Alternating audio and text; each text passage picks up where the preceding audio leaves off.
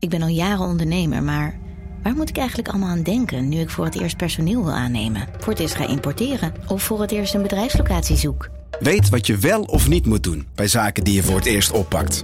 Check kvk.nl voor praktische stappenplannen. KVK, hou vast voor ondernemers.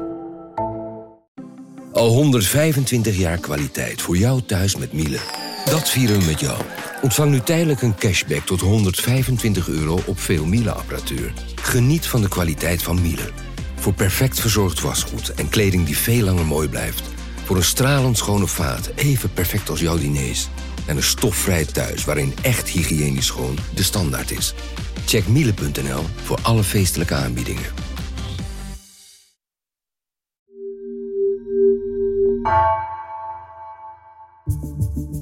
Vanaf de redactie van NRC het verhaal van vandaag. Mijn naam is Geertje Tunter.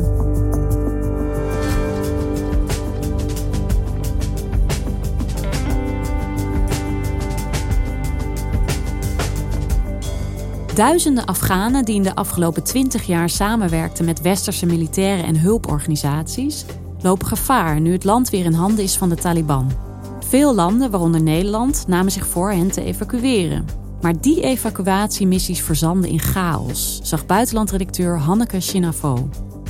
Wat ging er mis?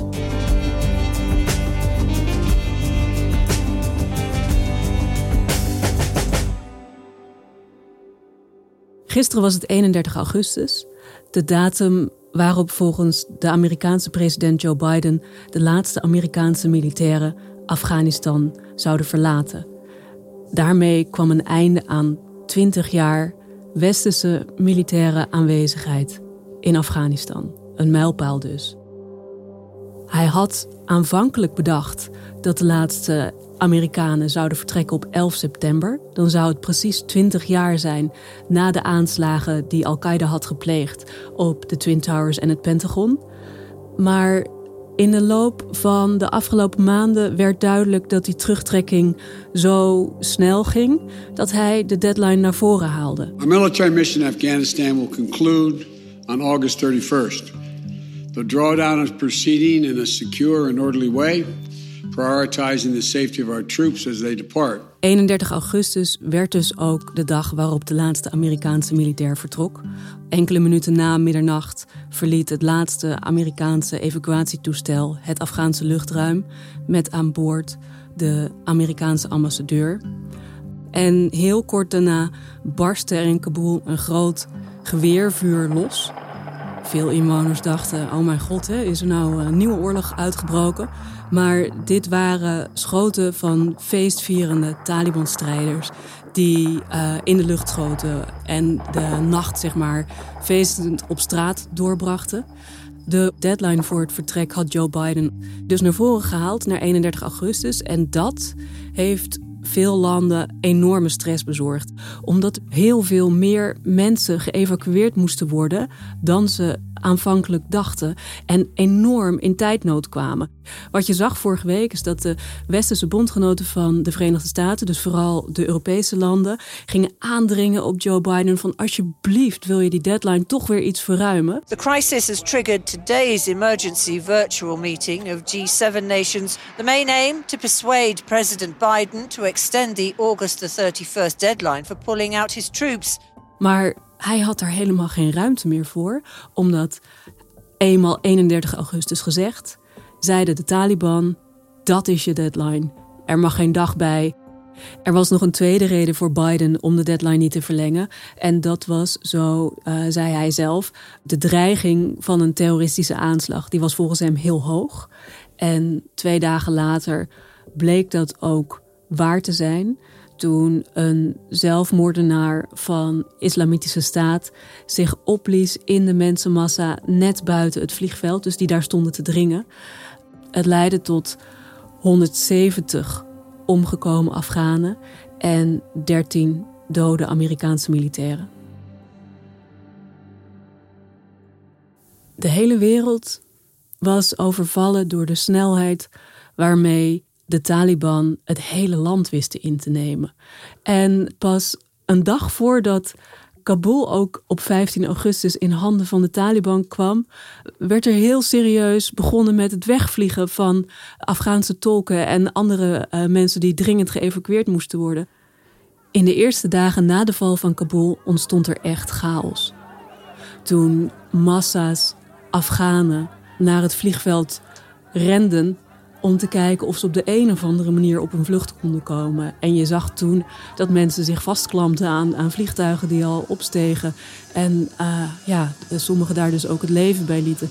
Die chaos die is door de Amerikanen na een paar dagen min of meer onder controle gebracht, omdat zij het vliegveld echt overnamen.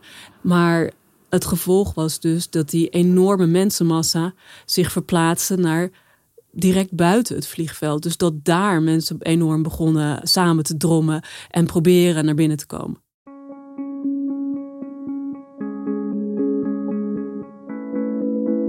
Hanneke, die 31 augustus was dus inderdaad de, deadline voor die evacuatiemissie. Maar wat was eigenlijk het doel daarvan?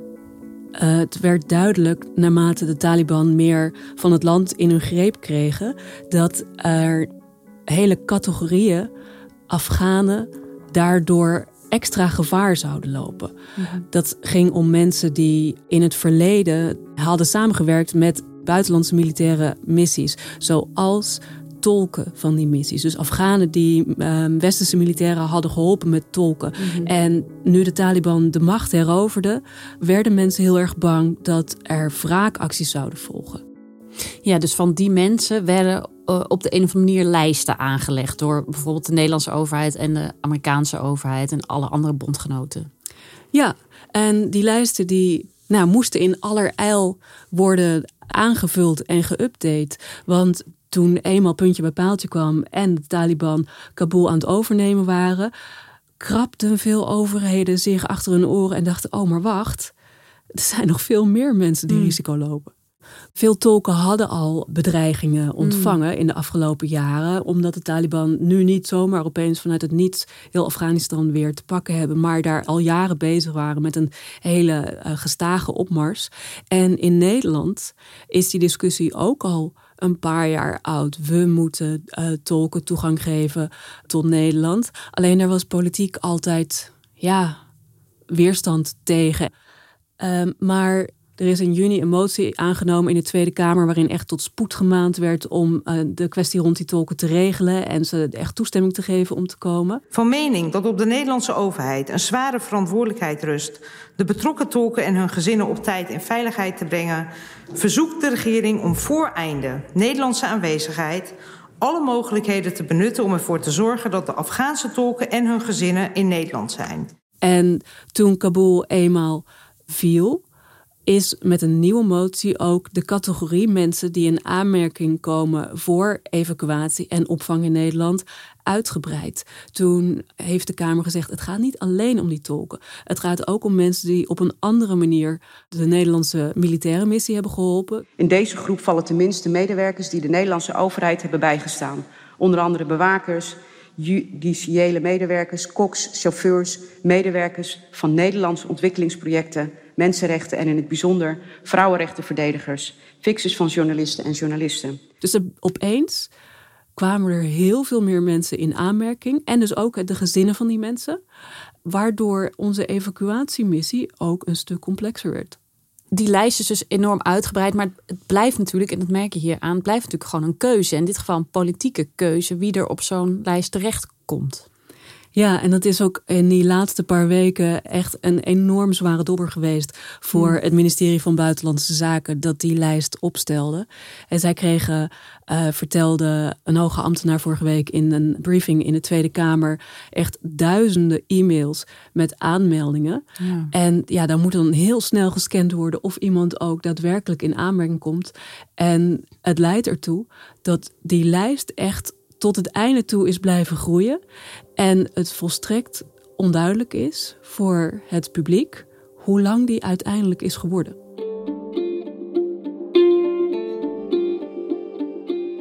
Ja, want er zullen mensen zijn die buiten de boot vallen in die lijsten. Maar uh, tegelijkertijd, wat je net opzomde, dat zijn nou, enorme groepen mensen eigenlijk. Wat is er terechtgekomen van al die evacuaties? De aantallen mensen die geëvacueerd zijn, zijn wel bekend. Dat geldt voor Nederland en voor andere landen. En de Amerikanen verklaarden maandag dat ze in totaal samen met de andere landen uh, 123.000 mensen in veiligheid hebben weten te brengen. Nederland heeft ruim 2500 mensen uit Kabul weggehaald. Hm. Um, dat zijn niet alleen mensen die naar Nederland moesten, maar er gingen ook mensen die naar andere landen uiteindelijk moesten mee op die vluchten. En zij zeiden ongeveer 1600 hadden uiteindelijk de bestemming Nederland. Dus dat zijn Nederlanders en Afghanen die Nederland geholpen hebben. Maar hoe dit aantal zich nou verhoudt tot het totaal aantal mensen dat we hadden willen evacueren, dat is nog onbekend. Ja, dat wou ik inderdaad vragen. Van, uh, hoeveel is dat nou uiteindelijk? Hoe moet ik die getallen wegen? Was het de bedoeling om zoveel mensen te halen? Had het er veel meer moeten zijn?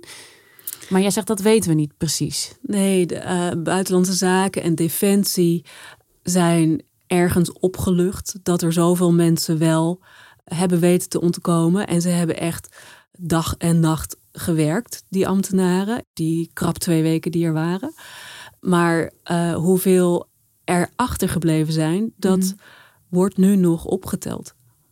In de Verenigde Staten zijn schattingen gemaakt van het totaal aantal mensen dat daar in aanmerking kwam voor evacuatie. En dan gaat het over enkele honderden duizenden. Dus 200 tot 300.000 zouden daar in aanmerking gekomen zijn. En in Nederland doen ook allerlei aantallen de ronde, maar het zijn allemaal maar schattingen.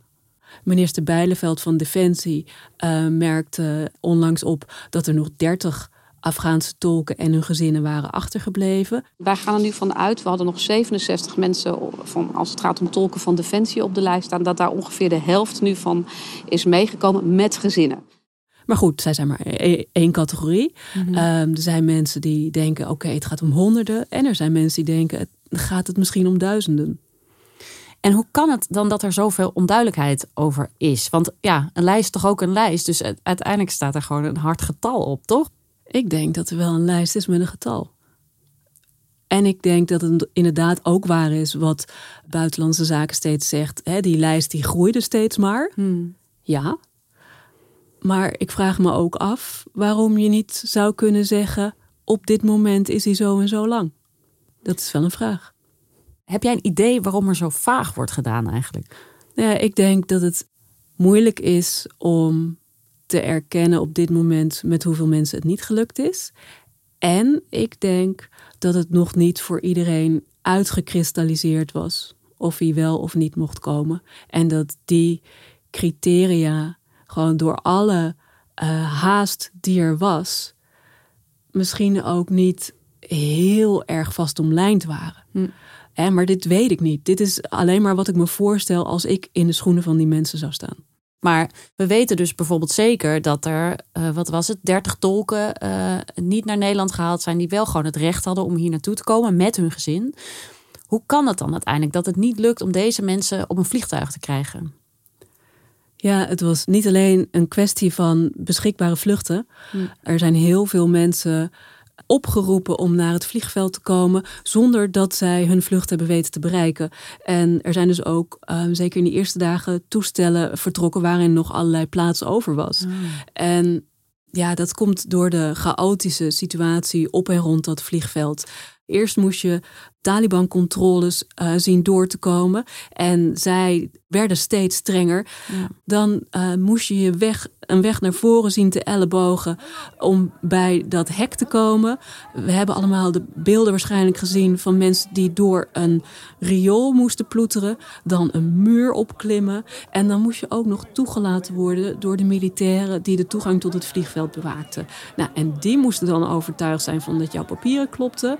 En daar zijn heel veel mensen weggestuurd die wel een oproep hadden. Maar ja, in de chaos dan blijkbaar die mensen niet hebben weten te overtuigen. Dus de ellende zat hem vooral in toegang tot het vliegveld. Ik denk dat je wel kunt concluderen dat het echt flink is misgegaan. Omdat er nu zoveel mensen, we weten nog niet hoeveel, maar we weten wel dat er te veel zijn, achterblijven die echt grote risico's lopen. En um, Hanneke, heb jij een beeld van hoe het gaat met de mensen die daar wel zijn achtergebleven in Afghanistan? Ja, ik heb contact met een aantal van hen. En het is, uh, het is, uh, het is gewoon drama. Ze zijn uh, volstrekt overstuur en zo te neergeslagen.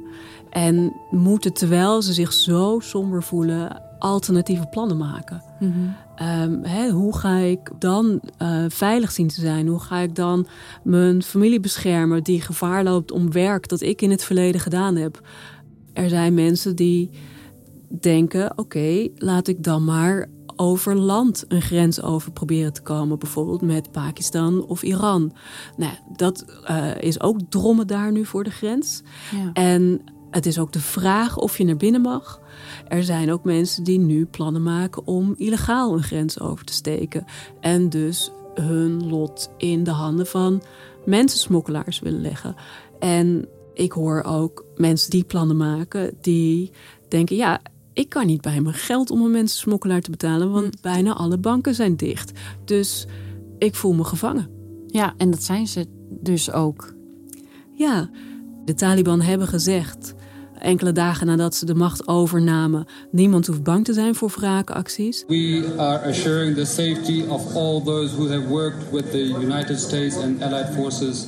Maar in de praktijk uh, zijn die er volop. Er zijn best veel berichten over Taliban die bij mensen aankloppen of van deur tot deur gaan om op zoek te gaan naar mensen die bijvoorbeeld in het verleden voor de Afghaanse overheid hebben gewerkt of die voor buitenlanders hebben gewerkt. En ja, zo'n zulke verhalen die gaan dan ook als een lopend vuurtje rond en die ja, zaaien echt veel angst. Dus mensen zijn na aan het denken over hoe ze dan op een andere manier het land uitkomen en mogelijk dus via mensensmokkelaars over land. En de formele wegen eigenlijk, is het bekend uh, hoe, ik bedoel, willen de Taliban het land uh, potdicht houden of is bekend hoe ze daarmee om willen gaan? Ja, ze hebben verklaringen hierover afgegeven. Ze hebben gezegd, ook in de toekomst kunnen mensen die over de juiste papieren beschikken, gewoon op een lijnvlucht het land verlaten. Hm.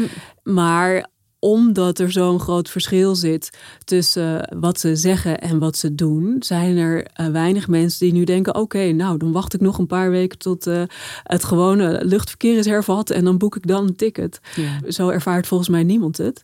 En om die reden hebben een stuk of honderd landen zich verenigd in een verklaring die maandagmorgen kwam, waarin zij zeiden: Wij hebben de toezegging van de Taliban dat mensen um, die wij visa verstrekken ook echt het land zullen mogen verlaten. Dus je ziet daar een grote internationale samenwerking om um, zeg maar met gebundelde krachten de Taliban te proberen voor een voldongen feit te stellen. Dus ja, dat is denk ik het enige wat zij op dit moment concreet kunnen doen. En eens afwachten of ze dat gaan naleven. Ja, hoe nuttig ja, zal dat zijn?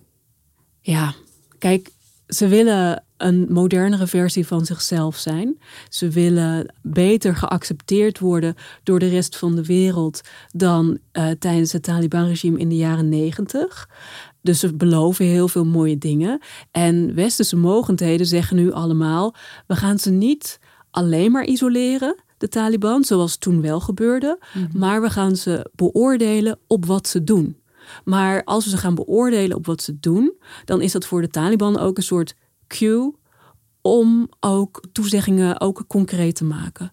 Dus um, het is niet verloren. He, we, we, zien steeds dat ze uh, de dingen die ze beloven niet doen.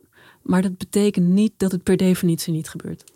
Nee, ze zullen er belang bij hebben misschien om zich aan afspraken te houden hoe dan ook, voorlopig zitten de mensen die daar zijn achtergebleven, die zitten nog wel eventjes vast waarschijnlijk. Zijn er eigenlijk plannen van Nederland of bijvoorbeeld van de VS om mensen toch nog actief proberen terug te halen? Ja, op dit moment zijn er eigenlijk geen mogelijkheden toe, omdat militair er helemaal niks meer kan. En westerse landen dus afhankelijk zijn van een hervatting van het uh, commerciële vliegverkeer. En voordat dat zover is, uh, moet er nog veel geregeld worden. Het, de Taliban moeten op de een of andere manier dat vliegveld zien te beheren. En zij hebben hiervoor hulp gevraagd aan Turkije. Dat dit aan het overwegen is. En voor Turkije is dit een lastige afweging. Want zij willen graag op de een of andere manier invloed in Afghanistan. Maar zij moeten dus ook dan gaan samenwerken met de Taliban. En tegelijkertijd uh, moeten dus uh, luchtvaartmaatschappijen bereid zijn om op Kabul te vliegen. En moet er op de een of andere manier een communicatiekanaal zien opengesteld te worden tussen die westerse overheden en de Taliban. Waarbij je op de een of andere manier enigszins van elkaar op aan kan zonder dat je zegt: oké, wij erkennen de Taliban als de nieuwe overheid in Afghanistan. Ja, het is allemaal een hoop mits en maren daar. Ja, het uh, is ook nieuw voor iedereen, volgens mij. Dus het lijkt me ontzettend ingewikkeld. Dankjewel, Hanneke. Graag gedaan. Je luisterde naar vandaag, een podcast van NRC. Eén verhaal elke dag. Deze aflevering werd gemaakt door Iris Verhulsdonk, Julia Vier en Misha van Waterschoot. Dit was vandaag, morgen weer.